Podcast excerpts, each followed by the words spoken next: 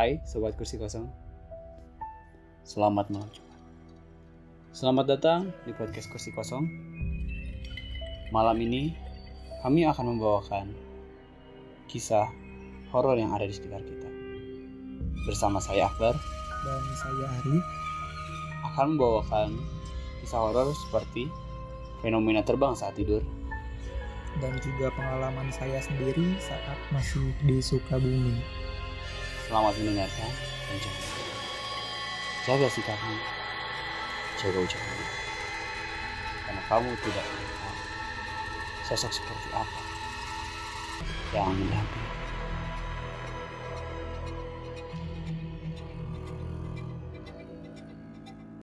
Fenomena terbang saat tidur. Pernah nggak sih kalian merasakan suatu fenomena yang cukup ekstrim. Mungkin kalau misalnya kita bilang untuk fenomena ketindihan ataupun keserupaan itu cukup banyak terjadi di sekitar kita. Namun untuk fenomena terbang mungkin hanya terjadi di film-film. Ini terjadi padaku. Kisah ini bermula pada suatu hari yang cerah di musim panas. Kenalkan, Nama aku Adi. Saat itu, aku dan teman-temanku, panggil saja mereka Gilang, Risnanda, dan Putri. Kami berempat memutuskan untuk pergi berlibur ke Pantai Pangandaran. Buat yang nggak tahu, Pantai Pangandaran itu merupakan objek wisata yang cukup terkenal di Jawa Barat dan termasuk ke dalam pantai yang berada di bagian selatan Di mana kalau kalian tahu pantai selatan itu identik dengan kisah-kisah horor seperti Nyi Roro Kidul dan sebagainya. Jadi kisahnya itu bermula saat kami berempat ingin mengadakan perjalanan ke pantai Pangandaran. Kami berempat sangat semangat untuk pergi ke sana. Perjalanan pun dimulai pada pagi hari. Aku berangkat bersama Gilang menggunakan motornya pada pagi hari, sedangkan Risnanda dan Putri pergi menggunakan bus antar kota kita semua berangkat dan tidak ada hal yang aneh selama perjalanan. Perjalanan ditempuh dalam waktu 6 jam dari kota Bandung, sehingga kami sampai pada sore harinya. Kami menginap di rumah saudara Risnanda yang bernama Nita. Jaraknya memang cukup jauh dari bibir pantai, sehingga perlu 10 menit untuk sampai bila berjalan kaki. Kami saat itu menjelajah beberapa objek wisata di sana, hingga waktu menjelang maghrib. Kami pun lantas pulang ke rumah untuk dapat menyantap ikan bakar, kemudian beristirahat. Pada malam harinya pun, kami cukup kelelahan atas kegiatan yang telah kami lakukan tadi siang, dan memutuskan untuk tidur di kamar masing-masing. Di sini posisinya, aku tidur dengan Gilang, Risnanda tidur dengan Putri, dan Nita tidur di kamar sendiri. Oh iya, sebagai informasi, di kamarku ini terdapat sebuah jendela yang langsung menghadap ke rumah kosong di sebelah rumah kami.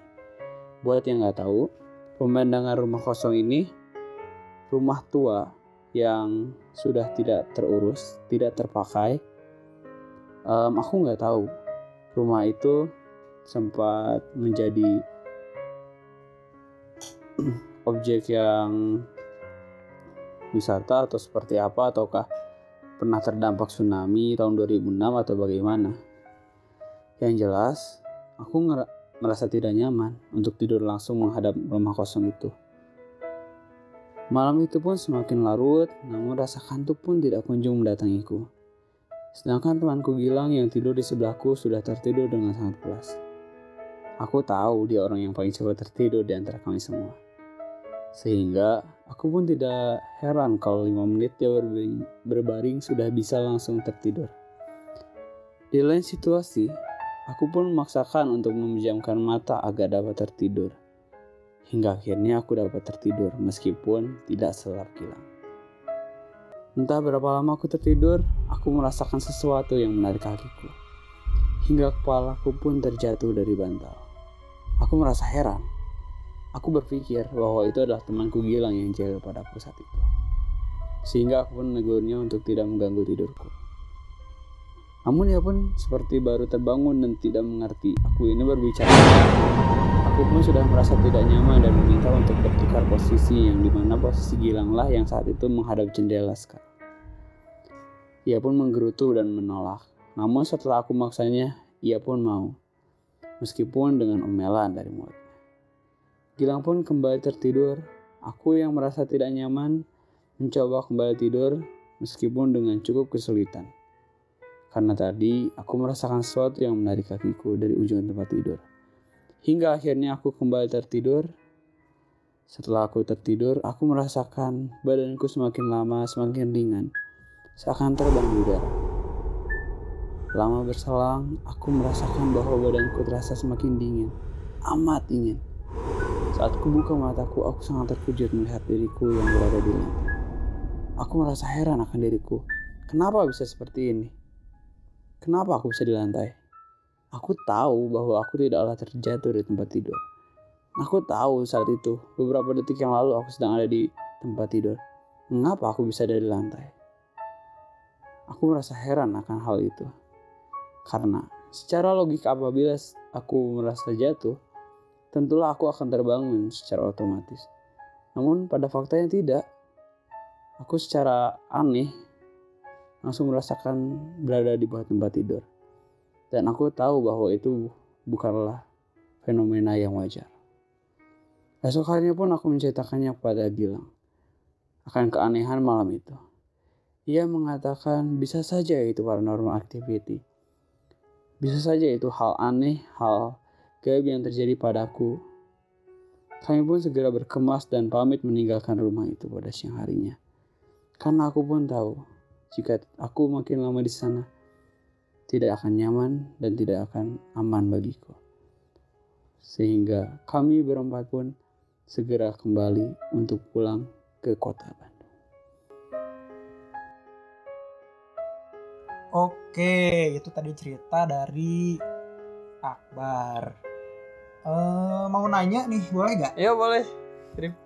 Itu kan terbang saat tidur. Hmm. Serem ya? Iya, lumayan sih. Kalau emang itu bener-bener kejadian yang kayak gitu, nyata serem lah. Mm-mm. Untungnya juga kan waktu itu tuh ya kalau misalnya kita lihat sendiri kan bisa dikatakan melayang lah ya. Lumayan. Jadi em, saya juga sebenarnya waktu itu mah emang gak ngeliat langsung, cuman saya tuh waktu itu ngerasain gitu. Kan di situ posisinya tuh kayak Hmm, tempat tidur besi di mana itu tuh cuma ditutupin sama kasur doang. Nah, otomatis kalau misalkan ada orang, katakanlah Adin ini teman aku ini berdiri, hmm, oke. itu bakalan kerasa lah sama aku.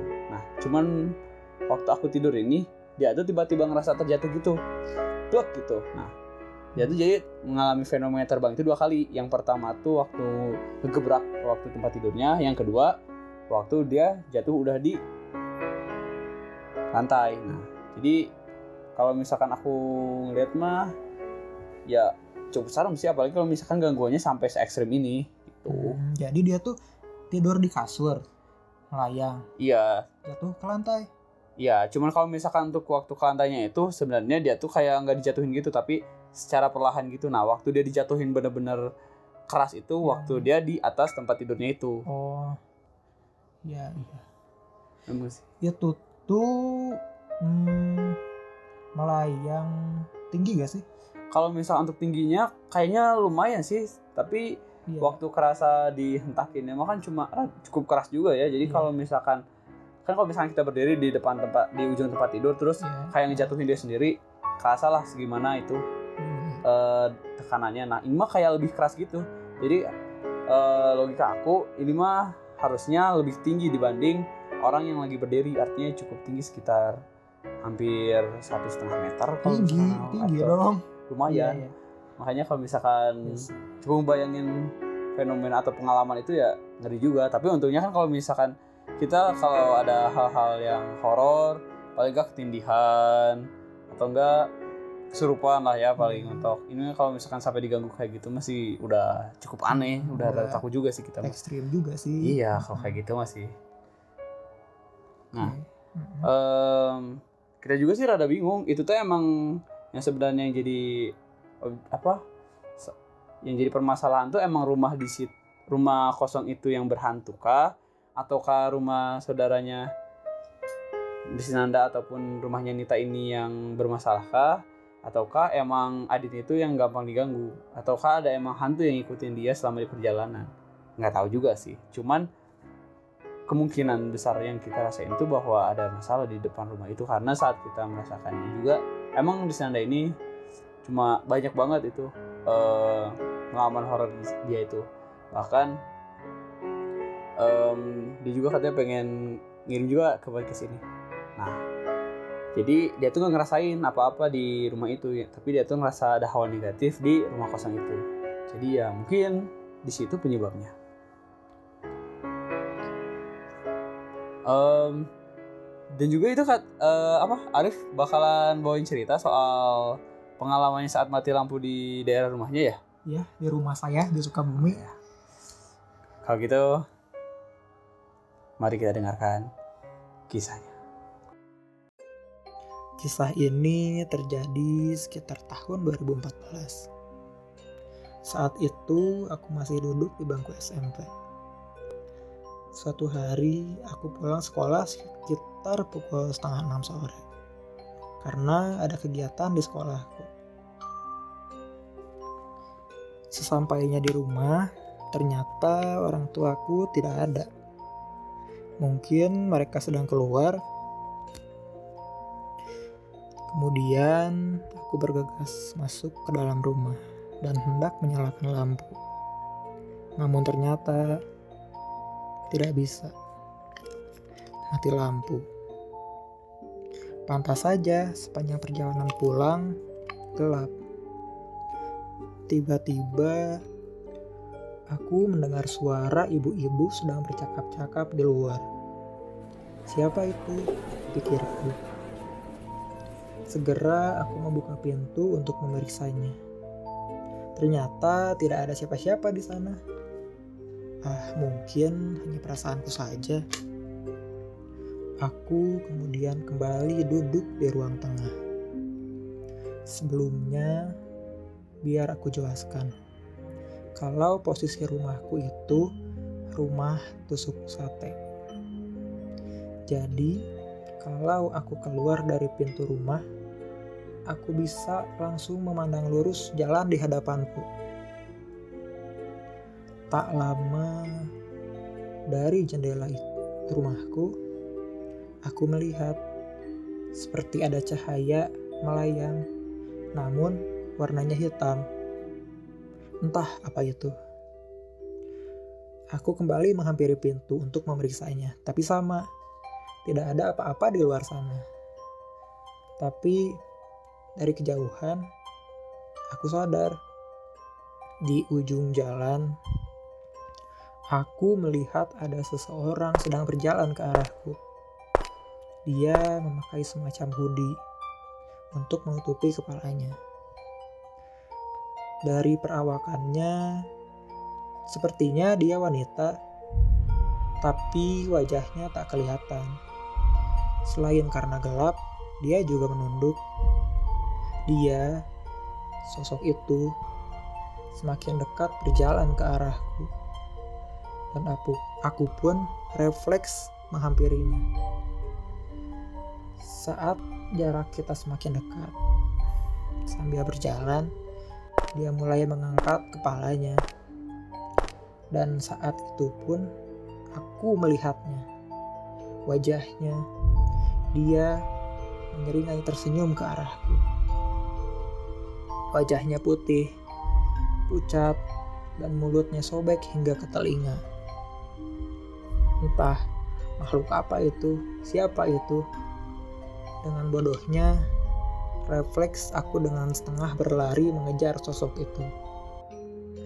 Aku terus berlari sampai tiba-tiba aku tersadar bahwa aku sudah ada jauh dari rumahku. Aku sudah berdiri di tepi sungai dan aku bingung campur rasa takut. Aku sedang apa di sini? Sendirian. Sosok itu pun sudah tak ada.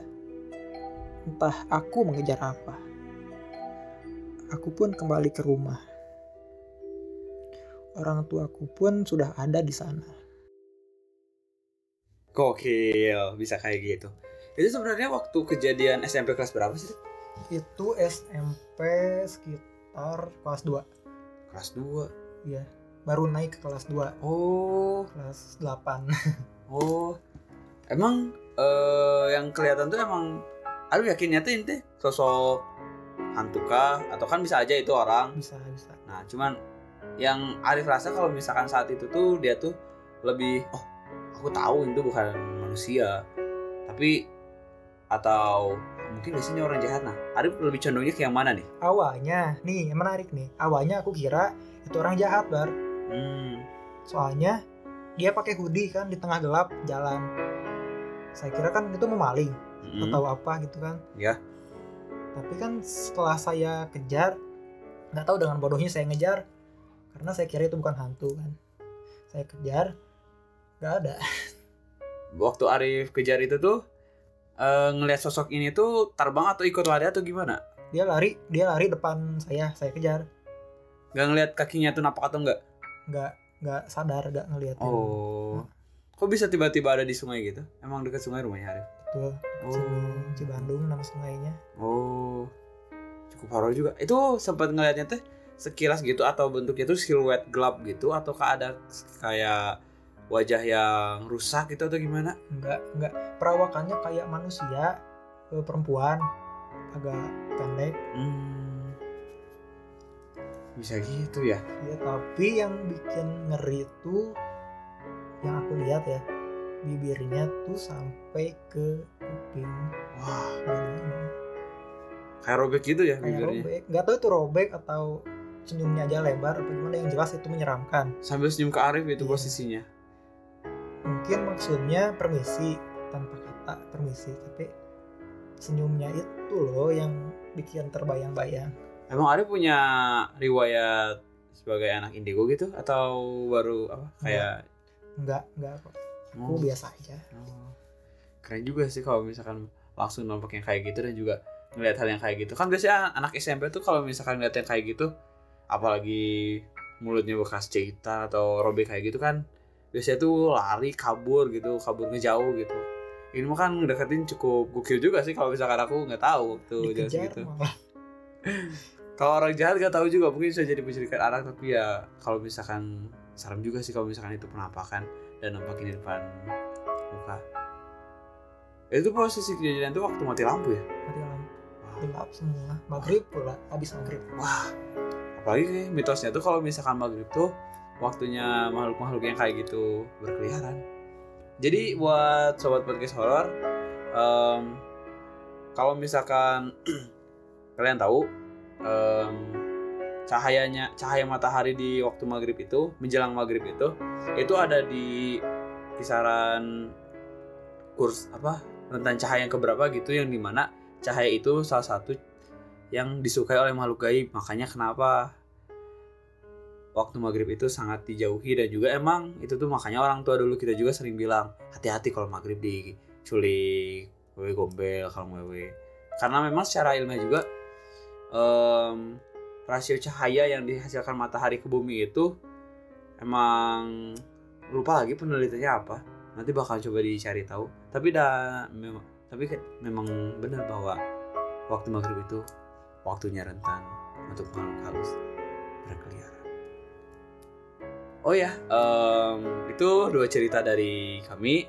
Makasih banyak buat sobat kursi kosong yang udah menyempatkan waktu untuk mendengarkan Imam Cukup ini terus pantengin podcast kursi kosong jangan lupa untuk memfollow podcast kursi kosong dan juga mengikuti kita di YouTube dan juga di Spotify dan Google Podcast.